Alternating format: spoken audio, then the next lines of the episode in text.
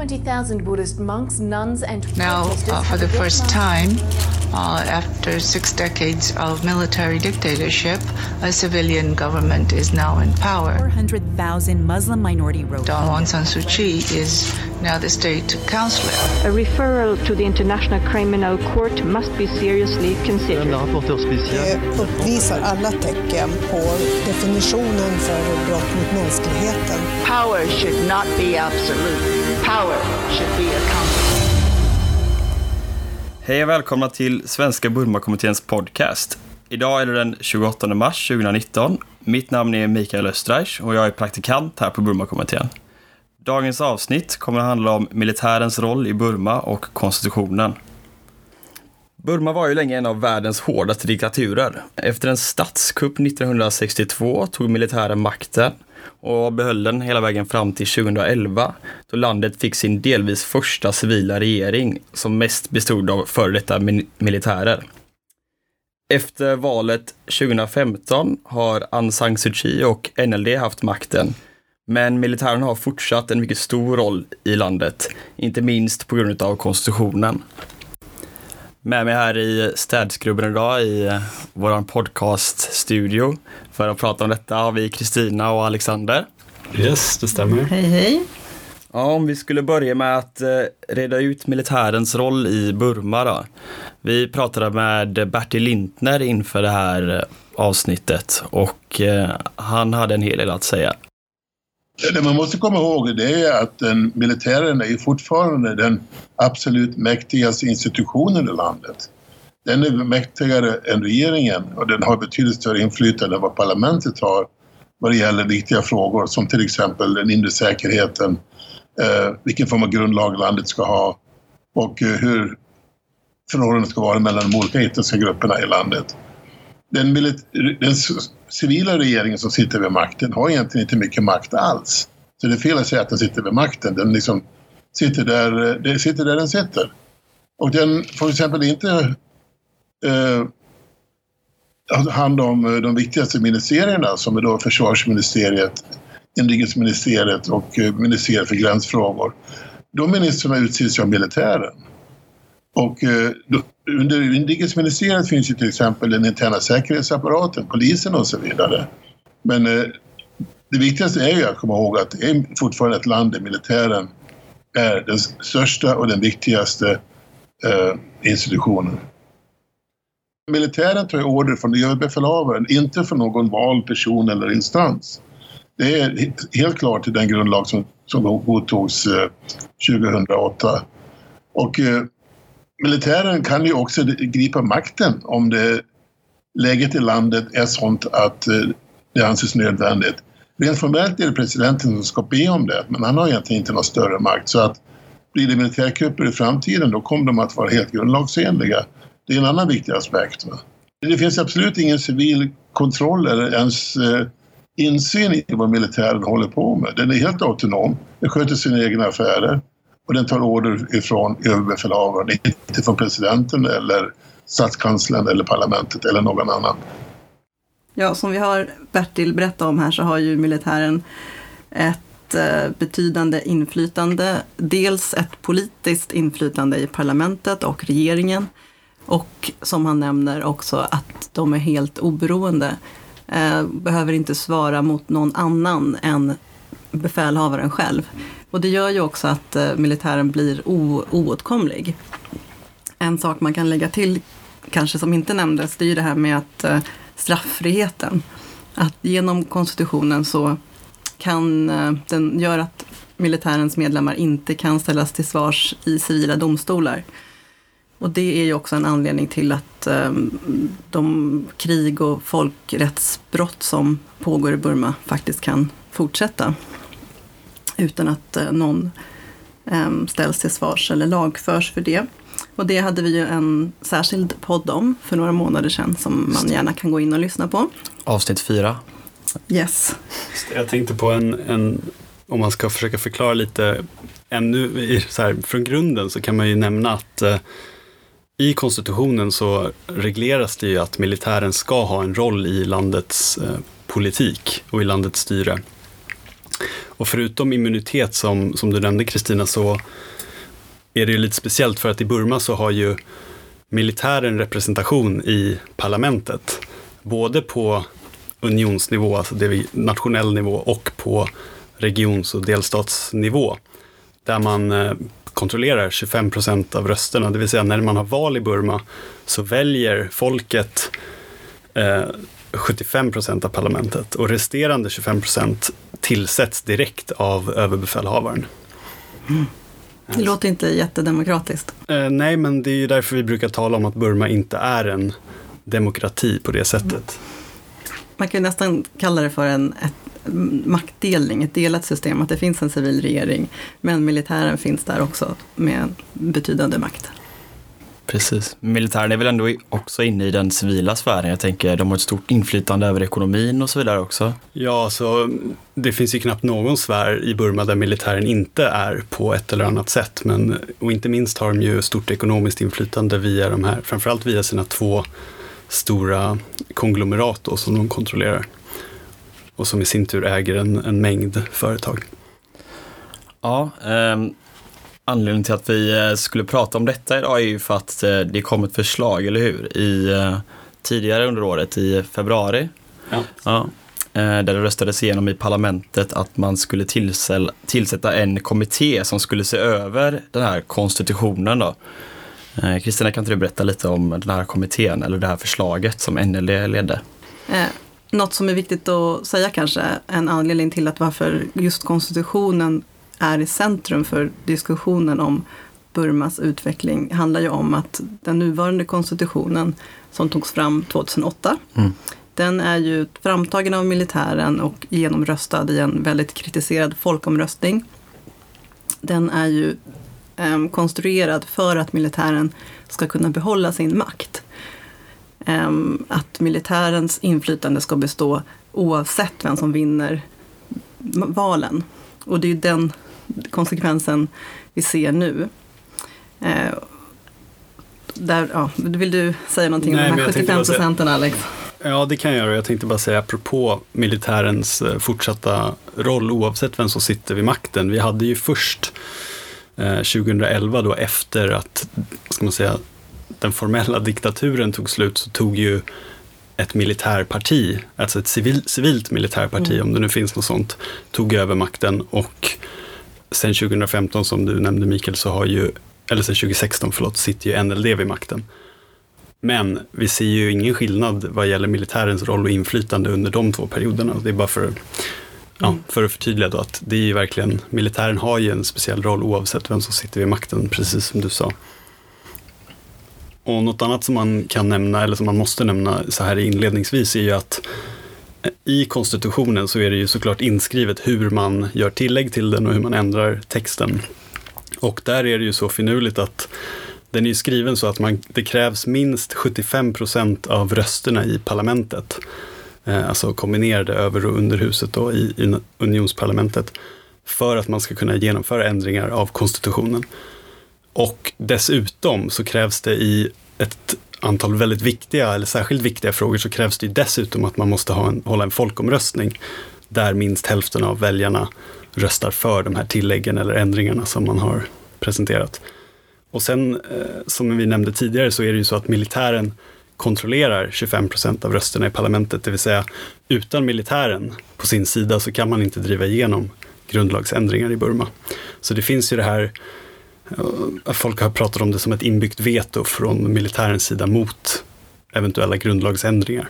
Så trots att Aung San Suu Kyi och hennes NLD vann valet så väldigt stort här 2015 så finns det egentligen inte mycket de kan göra åt konstitutionen då? Just det. Men om vi försöker komma tillbaka till det då, till mm. det här förslaget som jag pratade om i februari, mm. där man eh, föreslog att en kommitté skulle se över konstitutionen och försöker igen då, återigen, vad innebär det här förslaget? I februari röstades det då igenom ett förslag på initiativ av NLD i parlamentet att tillsätta en kommitté som ska se över konstitutionen.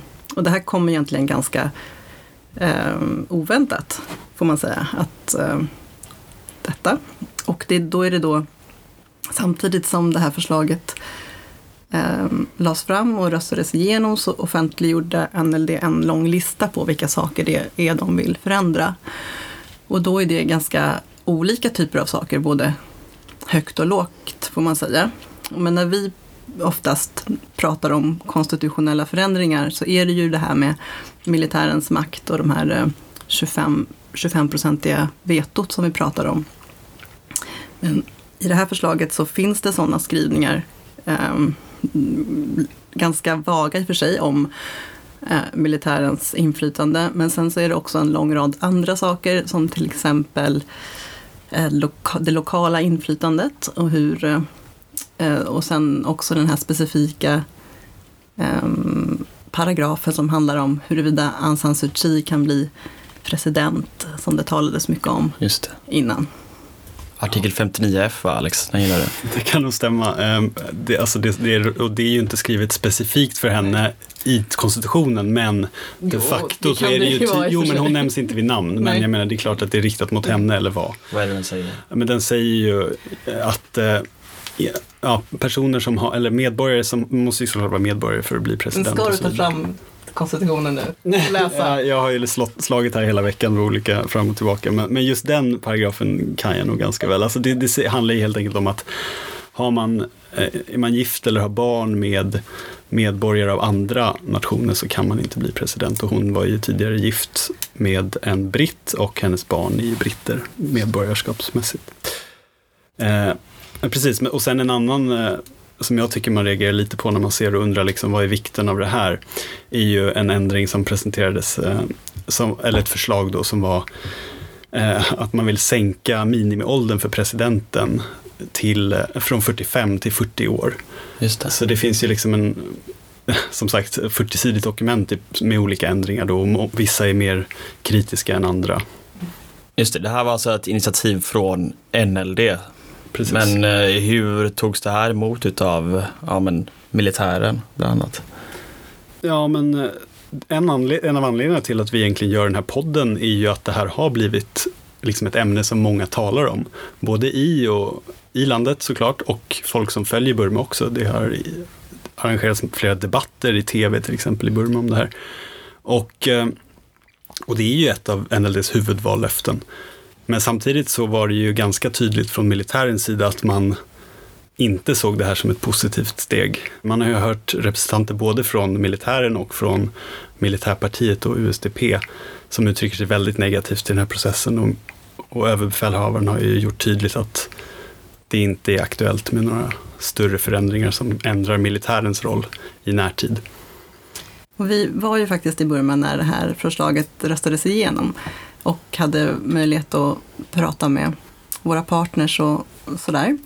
Och man kan väl ändå säga att den, generellt finns det en ganska stor skepticism, får man ju säga, mot, mot det här förslaget. Att folk frågar sig varför det kommer nu efter ganska lång tid när NLD ändå haft regeringsinnehav, så kommer det efter tre år och att det ligger ganska nära den nästkommande val. Så det är ändå en ganska vanlig analys skulle jag vilja säga att, eh, att det handlar om, om att eh, ja, fiska väljare till, till Att det är nästa som val. ett utspel inför Ja. nästa val snarare än ett, ett försök att ut, på riktigt utmana militären. Ja, men också för att eh, den allmänna kunskapen är ju att det kommer inte gå igenom och militären har redan sagt att den typen av förändringar inte kommer gå igenom så att det är liksom inte en, en framkomlig strategi.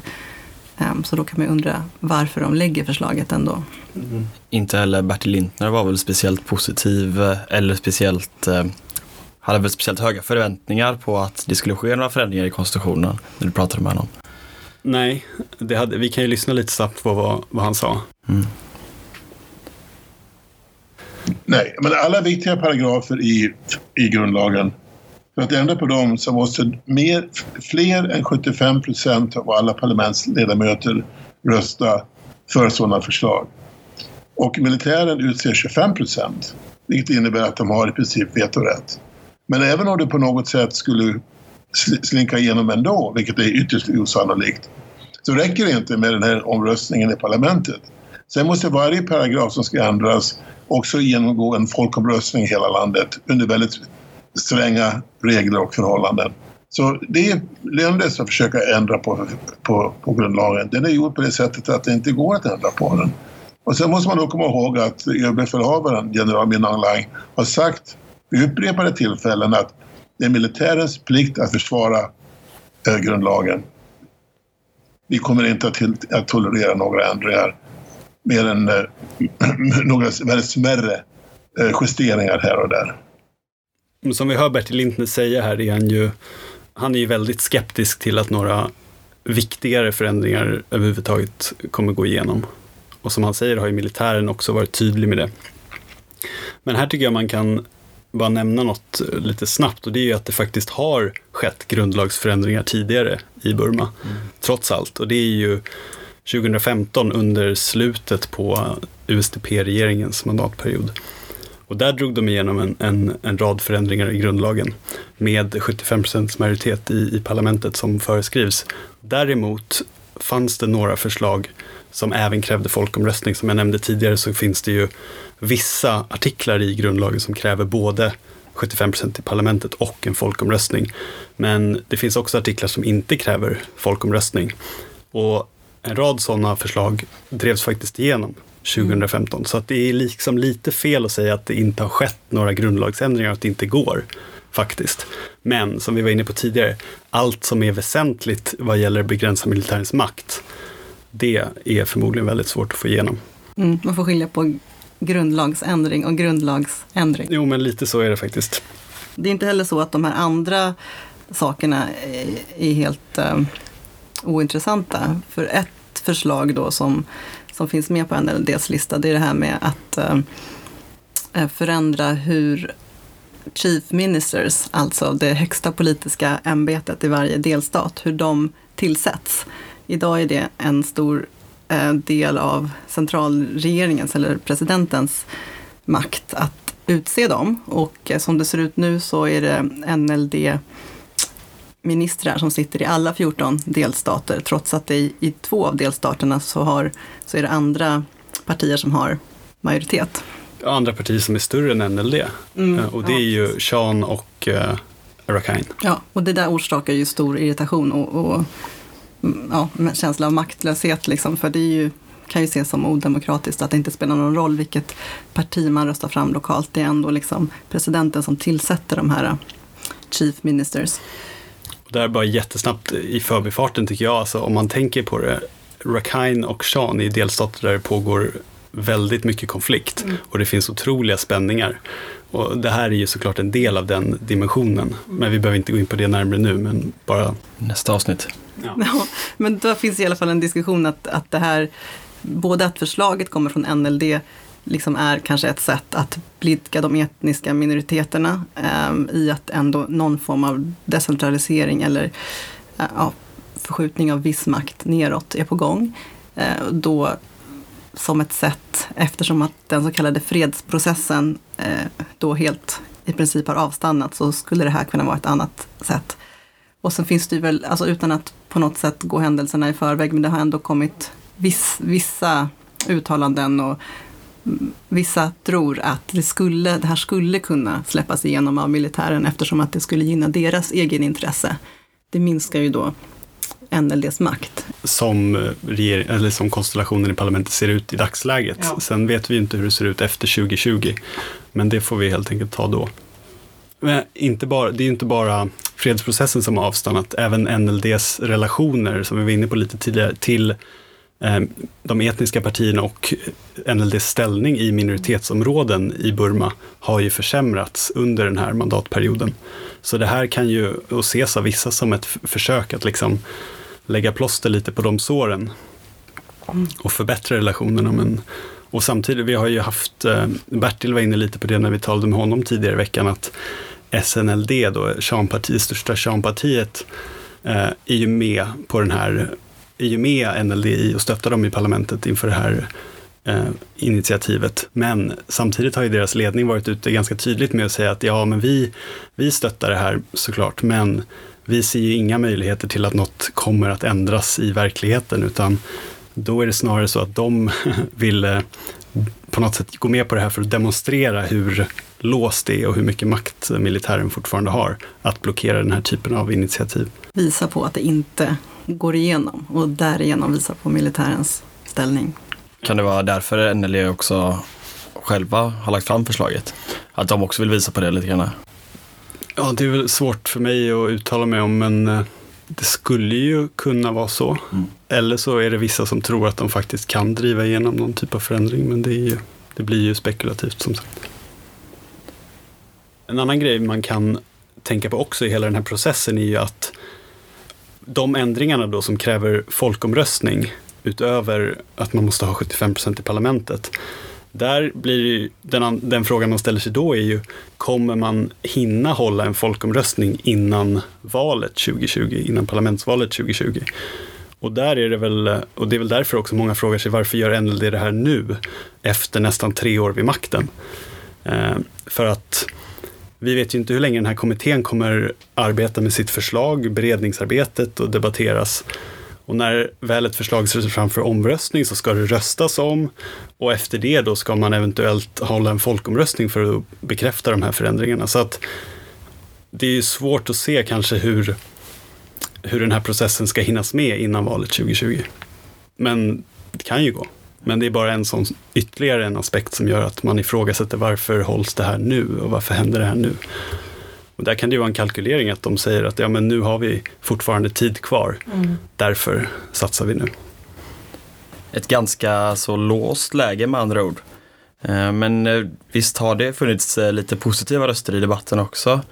Bland annat Jason Gelbort har väl skrivit den här artikeln i New York Times där han pratar om att förändringar i konstitutionen faktiskt är möjliga. Han pekar på något form av kryphål. Alex, du pratade med honom tidigare i veckan. Ja, det gjorde jag och jag vet inte, positiv röst kanske är att ta i, men eh, han menar ju bara att den här debatten som förs, att det är omöjligt att förändra konstitutionen på grund av militärens veto. Han menar ju att militärens veto är inte inskrivet i konstitutionen, så som många hävdar. Och vi kan ju lyssna lite snabbt på hur han beskriver läget. So, uh, it's pretty broadly uh, believed that the that Burma's 2008 constitution provides a constitutional veto over any amendments uh, to the constitution for the Tatmadaw, uh, the armed forces. Um, and uh, if you read the actual text of the document, um, that veto is not actually there um, but it's uh, a widespread belief. Um, it's uh, basically um, one of the various points about the legal structure of the country that has become uh, probably boilerplate um, when writing about uh, the country and about the Constitution.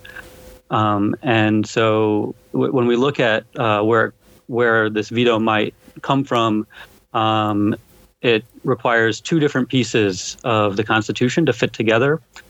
So those two pieces are that um, to amend the Constitution, you need more than 75% of the Pidong Suluta, which is the combined houses of parliament, to pass any amendment to the Constitution. And this is found in Article 436 of the Constitution. That is the what the provision of the Constitution says. So there is this requirement that you need more than 75% of the LUTA to pass an amendment. And in some cases, you also need um, to pass an additional barrier in a referendum. The second piece of the supposed veto uh, is based on the idea that the Constitution guarantees the Tatmadaw 25% of the seats in the Pidong Suluta. So if you combine those two pieces the guaranteed uh, quota of 25% and the requirement of more than 75% to pass an amendment that creates the constitutional veto. The problem with this is that the text of the Constitution does not actually require that the Tatmadaw hold 25% of the seats. So, if they don't actually uh, need to have 25% of the seats, there is not a constitutional veto in, in the document. Gelbort, som vi hörde här, han är ju jurist som fokuserar på, på Burma. Eh, och det är ju lite komplicerat ändå får man säga det här. Vi har ju slagit fram och tillbaks i, i konstitutionen för att läsa de här artiklarna som han refererar till. Men väldigt kort kan man väl säga att det handlar om att han, han menar på att de här 25 procenten som du sa, de faktiskt inte är så fasta som man tror.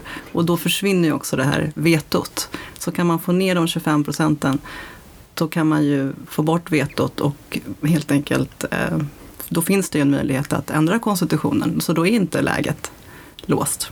Men, men Alex, du som gillar paragrafer. Mm, men jag kan ju bara beskriva lite snabbt här. Jag tar upp konstitutionen här framför mig. Och gröna Det känns ju alltid tryggt. Den gröna boken som sagt. Och eh, det som han pratar om då är just eh, artikel 109 som reglerar hur man formerar underhuset i Burma. Mm. Eftersom, som vi nämnde, Burma har ju ett unionsparlament som består av två kammare, ett, övre och, eller ett överhus och ett underhus. Och om man läser den texten som reglerar överhuset så är det väldigt tydligt att det finns det är ett specifikt antal ledamöter och det är ett specifikt nummer eller antal av de ledamöterna ska vara tillsatta av militären. Och då är det exakt 25 procent som tillsätts av militären. Det står liksom i grundlagen. Men när man läser då texten i artikel 109 som reglerar underhuset, och det är det Jason Gelbort har gjort i den här artikeln och det han pekar på, där står det nämligen att Eh, underhuset då ska formeras med högst 440 representanter, där högst 330 ska vara valda och, eh, och där högst 110 ska utses av militären. Och det är det här han har tagit fasta på, att det här står det faktiskt högst 110. Det vill säga, NLD skulle kunna låta konstitutionen vara som den är, men ändra i den, vad ska man säga, reguljära lagstiftningen där det bara krävs enkel majoritet. Och därigenom göra, sätta det här numret till till exempel 50 representanter från militären. Mm. Just det. Och då blir det inte 25 procent längre. Då blir det... Ja, då, då får Hur många ju... procent blir det då om de har 50, ja, Alex? då måste jag ta en miniräknare här. Men, men för det som gäller är att man ska ha 25 procent, eller för, förlåt, för att driva igenom en grundlagsförändring eh, så måste man ha minst 75 procent av rösterna i det kombinerade mm. unionsparlamentet. Och då om man kan dra ner antalet militärledamöter i det ena huset, då får man ju ner procent, den procentuell, procentuella andelen som mm. är militärer. Så det här är ju väldigt tekniskt. Ja, men så om jag tolkar det du säger nu rätt så om man bokstavligt tolkar konstitutionen och läser den väldigt noggrant som du har gjort Alex så finns inte det här vetot som vi pratade om tidigare. Nej, eller alltså det beror på lite hur man ser det, men det gör ju inte det. I den mån att det inte står exakt hur många som ska vara från representanter. Det står ju ett maxantal. Mm. Men det är, hela, det är det som är hela hans, hans idé då, som han presenterar, är ju att NLD skulle kunna ändra den vanliga lagstiftningen och helt enkelt säga till exempel 20 eller 0 representanter för den delen. Och jag menar, den lagstiftningen kan de ju ändra, för de har ju över 50 procent i parlamentet, så de kan ju teoretiskt driva igenom vilka lagändringar de vill. Mm, men sen får man väl säga att det här har ju inte fått så bra gensvar i debatten. Det, det, är inte, vi har väl inte hört så många som tror att det här kommer hända. Dels hänvisar man då till att man måste tänka på att intentionen är ju tydlig. Intentionen är ju att från militären att det ska vara ett veto. Och militären finns ju kvar och skulle inte tillåta att man använder den här typen av ja, kryphål då, om det är det. Nej, och det, det, där tycker jag han, han lyft, vi pratade ju som sagt med honom i veckan och där lyfte han en ganska intressant, intressant aspekt på det här. Att han, han menar ju att såklart, för det är ju många som har kritiserat honom och inte minst då på grund av att militärens intentioner är något helt annat. Och att i, när man läser grundlagstext så är det ofta intention, eller inte ofta, men intention spelar ofta in när man tolkar grundlagstexterna, inte minst när man tolkar den amerikanska konstitutionen till exempel.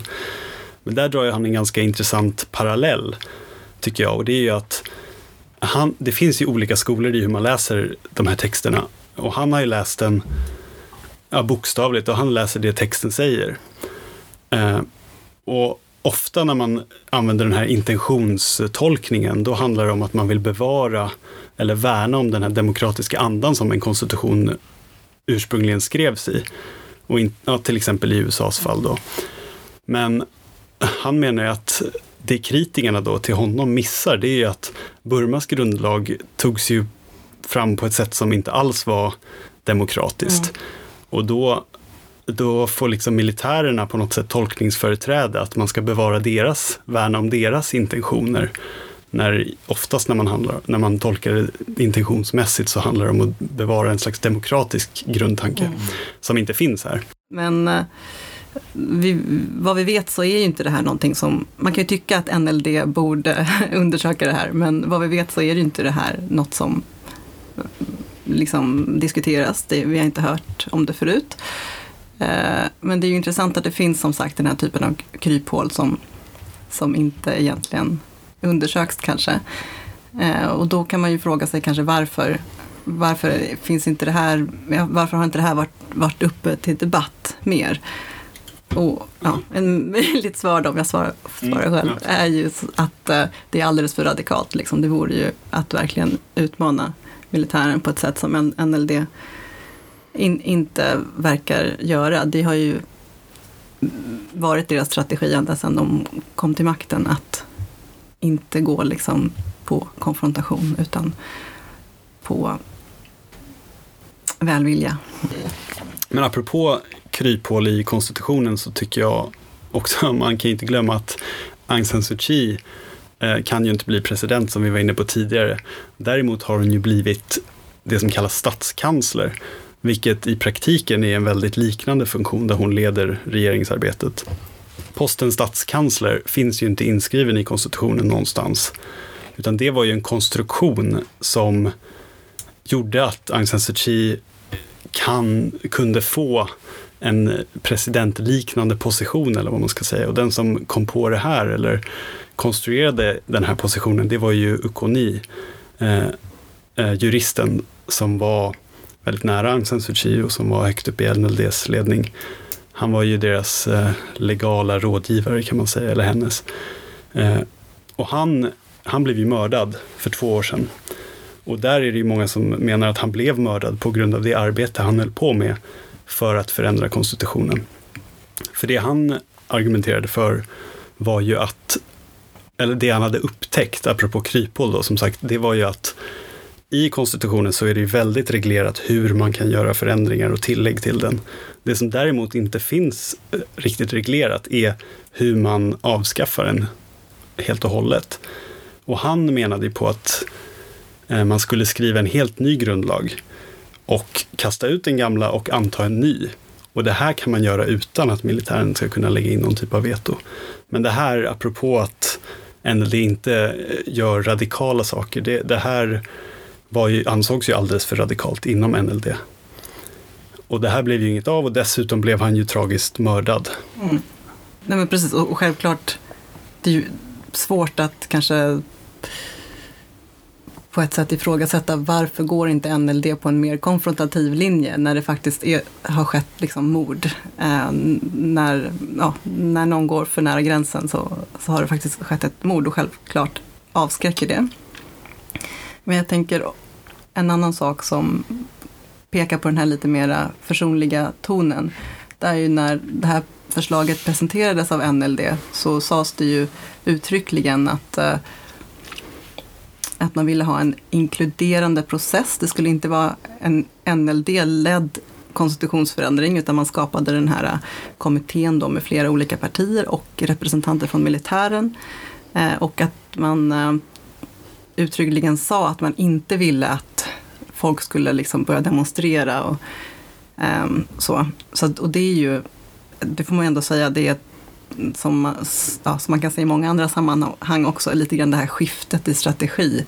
Att innan valet så eh, arbetade man ju tillsammans med civilsamhället i den här stora kampanjen för konstitutionell förändring.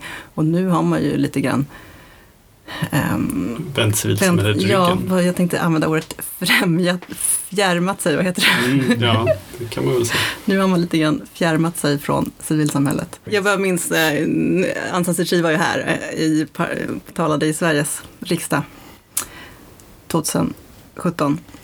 Då nämnde hon ju att NLD aldrig har stöttat demonstrationer. Så det är liksom lite den linjen de har nu, att det ska vara den här försåtliga, försonliga tonen och man kan fråga sig lite grann, man kan förstå den, men eh, man kan ju verkligen ifrågasätta hur framgångsrik den är. Men för att försöka summera lite det ni har sagt så finns det kryphål och det finns möjlighet att göra förändringar i konstitutionen. Men som du sa Kristina så vågar inte NLD clasha med militären. Eller vill, alltså det, kan, Eller det vill. vet jag inte. Det, det, ja, men det saknas väl till viss del politisk vilja att göra något radikalt. Om man inte vill clasha med militären och hellre går den här lite mera välvilliga vägen fram som du sa Kristina så finns det andra strategier att göra förändringar eller är läget låst? Ja, alltså det finns ju, alltså vi var inne på det lite tidigare, man pratar ju om, om lite olika saker. Alltså dels pratar vi om att begränsa militärens makt och sen pratar vi att rent tekniskt göra grundlagsändringar. Eh, och sen finns det ju andra saker, eh, eller så, saker vi inte har talat om, men liksom la, ändra lagstiftning har ju NLD kapacitet att göra i dagsläget. De, de har ju majoritet i, i parlamentet. Så till exempel kan de ju ändra annan lagstiftning. Vi var inne lite på det med vallagen till underhuset. Men det finns ju massa, inte minst i vårt bevakningsområde så finns det ju en hel rad repressiv lagstiftning som också används för att tysta kritiker, till exempel människorättsförsvarare och journalister. Och den typen av lagstiftning har ju NLD makt att ändra.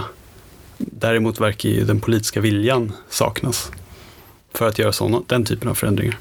Precis, så vi, nu har vi varit inne väldigt mycket på hur man minskar militärens inflytande. Men det finns ju stora demokratiska problem som har med NLD att, göra också. Ehm, sen har vi den här andra delen som handlar om lokalt inflytande eller ja, framförallt kanske de etniska minoriteternas krav. Just det. Ehm, och det regleras ju i och för sig delvis av konstitutionen, men sen har vi hela den här så kallade fredsprocessen som nu inte så många tror, tror att den kommer gå framåt. Men där handlar ju låsningen om att eh, de etniska minoriteterna vill ju ha ett, se ett federalt system med lokalt inflytande.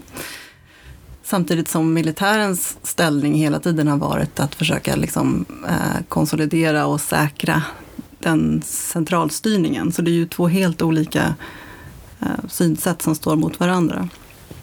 Och vad man ser i hur, hur NLD har agerat i den här processen, då kan det ju verka som, och det ser lite grann ut som att de följer lite grann i, ja, men i den tidigare militärstödda regeringens fotspår. Att, att uh, man ser inte riktigt den politiska viljan att faktiskt gå mot, mot lokalt inflytande.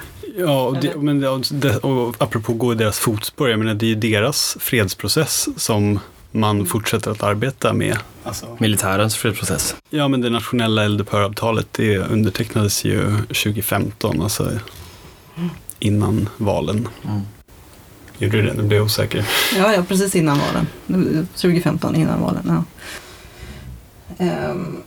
Men jag tänker, det, alltså, man kan ju prata hur mycket som helst. Det finns ju jättemånga stickspår som man vill, vill komma in på hela tiden. Vi får försöka hålla någon slags stringens, men det är ju inte så att det, nu fokuserar vi på konstitutionen och militärens inflytande därigenom.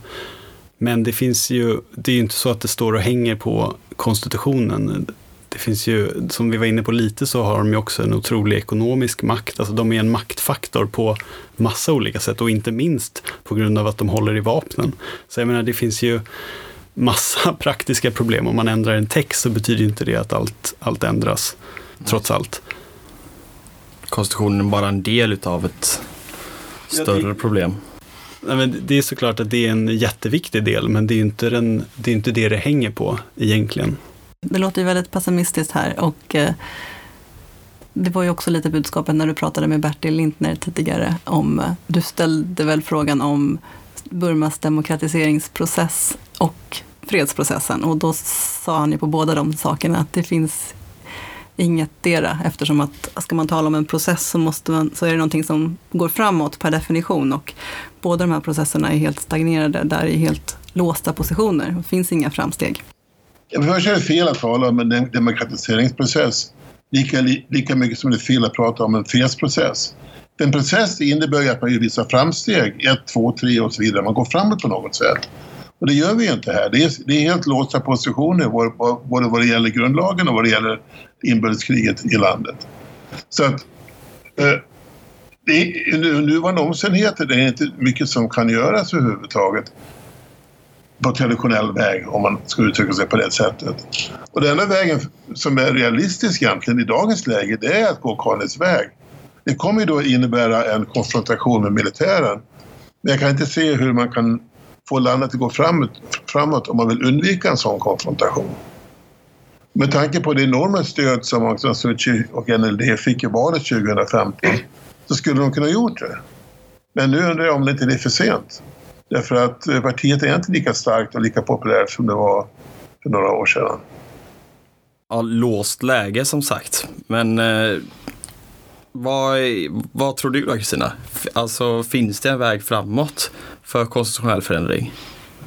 Men när det gäller konstitutionen får man väl ändå slå fast att eh, när det gäller att minska militärens makt så kan vi inte förvänta oss några förändringar inom överskådlig tid. Eh, men det betyder ju inte att Burma inte kommer förändras eller att Burma aldrig kommer bli demokratiskt. Men jag tror man måste titta på, på mycket, mycket längre sikt än så. Men för, ändå för att nämna kanske några förändringar som ändå är signifikanta, så är det ju dels eh, det här som vi var inne på med Chief Ministers, alltså de förändringar som man kanske lite grann kan skönja, i, i, eller förhoppningar. Dels tänker jag att det handlar om de här lite, alltså aningens decentraliseringsmöjligheter då, utan att låta för positiv så är det ändå liksom i, i de trådarna som det har dragits lite grann på senare tid. Du vill gärna inte låta för positiv generellt här.